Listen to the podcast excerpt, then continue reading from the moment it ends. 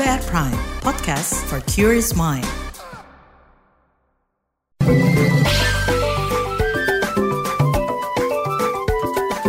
WhatsApp Indonesia.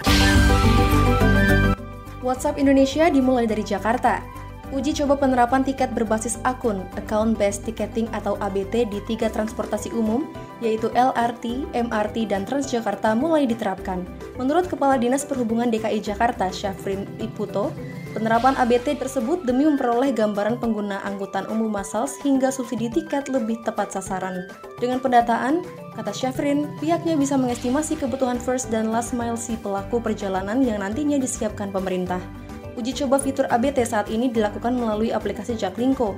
Penumpang tiga mode transportasi hanya perlu men-scan barcode yang tertera dalam aplikasi Jaklingko ke mesin gate atau mesin tap on bus TOB maupun tap on microbus TOM. Nantinya, sistem akan mendeteksi perjalanan penumpang. Berlanjut ke informasi terkait tindak pidana perdagangan orang TPPO.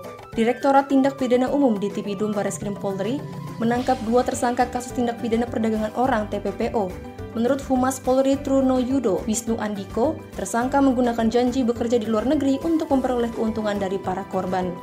Para korban bekerja sebagai asisten rumah tangga ART di Erbil dengan gaji sebesar 300 dolar.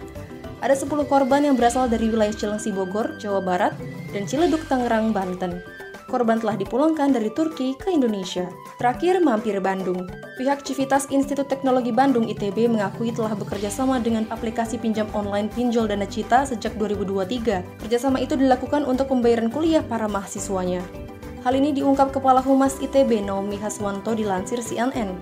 Naomi pun menyampaikan bahwa ITB bukanlah satu-satunya kampus yang bekerja sama dengan aplikasi pinjam online, bahkan beberapa perguruan tinggi negeri PTN besar sudah bekerja sama lebih lama dibandingkan ITB. Dengan aplikasi tersebut, katanya mahasiswa tinggal membuka aplikasi dan melakukan pengajuan. Kampus ITB Bandung tengah viral di media sosial X di mana pihak Civitas menawarkan pembayaran kuliah dengan menggunakan platform pinjam online Pinjol.